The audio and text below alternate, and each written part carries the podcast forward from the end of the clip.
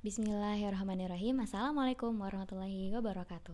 Halo teman-teman semua Perkenalkan, aku Nada. Semoga teman-teman dalam keadaan baik ya sekarang. Oke, pada kesempatan kali ini Aku akan sedikit sharing ke teman-teman semua. Nah, dengan mengudaranya aku di sini Bukan berarti aku nih lebih tahu dari teman-teman gitu ya. Atau bahkan aku nih lagi menggurui teman-teman. Enggak sama sekali gitu ya. Kita di sini sama-sama belajar kok.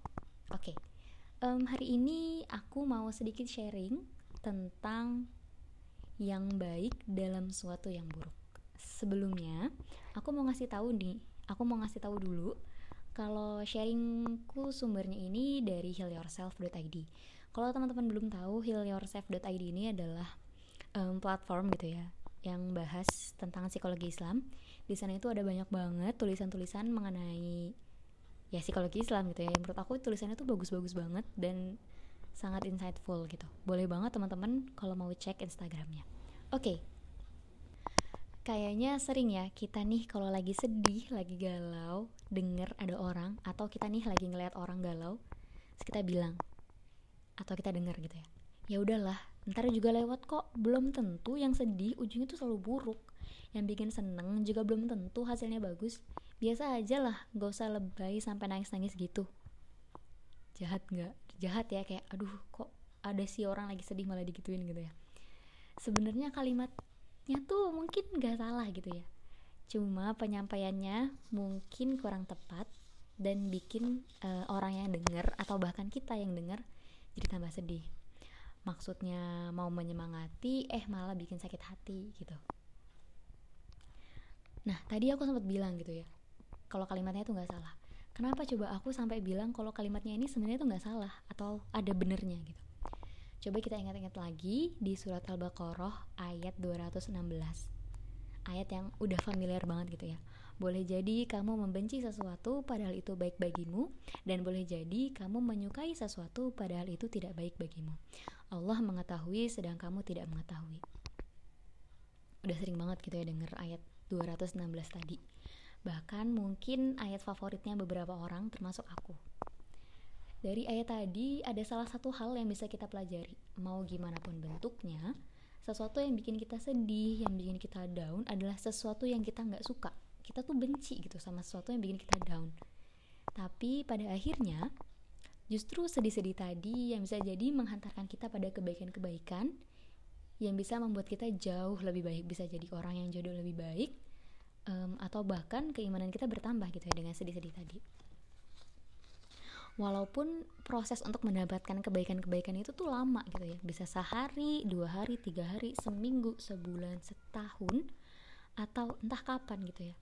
Yang pasti ya ada hikmah dan pelajaran dari sedih-sedih yang kita lalui. Walaupun rasanya tuh sedih-sedihnya tuh kayak nggak ada habisnya gitu. Kayak nggak berhenti kayak ya Allah aku udah nggak sanggup lagi kenapa sih aku harus selalu dikasih sedih-sedih? gitu. Suka lupa kita kalau Allah tuh nggak akan ngebebanin kita sama hal-hal yang nggak bisa kita handle. Ya emang sih rasanya tuh berat banget paham banget deh. Susah banget ngejalaninnya kayak mau bangkit susah mau berhenti juga nggak mungkin gitu ya.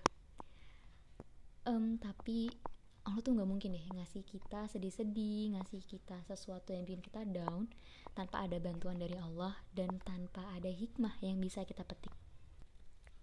Masa iya sih kita yang cuma makhluk meragukan Allah yang menciptakan kita? Padahal ya, Allah itu udah ngatur semua urusan kita dengan sebaik-baik pengaturan. Tugas kita sebagai hamba yang ngejalanin kehidupan ini ya cuma berusaha dan berdoa. Berusaha lagi doa lagi. Dan kalau udah semua usaha dilakuin udah doa tiap malam tiap sholat ya Allah permudahlah ya Allah tolong aku gitu ya. Tapi hasilnya tuh masih sedih hasilnya masih mengecewakan hasilnya masih bikin kita down. Itu artinya sabarnya kita nih harus diperbanyak lagi gitu ya. Dan jangan lupa gitu banyak-banyakin juga percayanya. Percaya sama apa sih percaya sama Allah dan percaya kalau emang dibalik hal yang buruk pasti ada kebaikan yang bisa kita ambil. Karena ya itu ya hal indah itu butuh waktu untuk datang.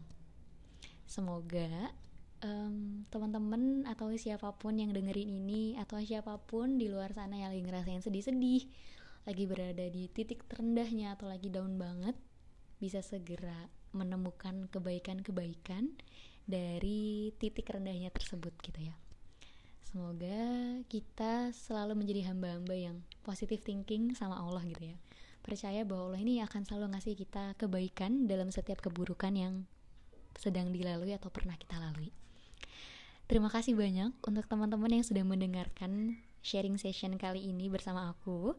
Semoga ada kebaikan yang bisa diambil. Terima kasih. Wassalamualaikum warahmatullahi wabarakatuh.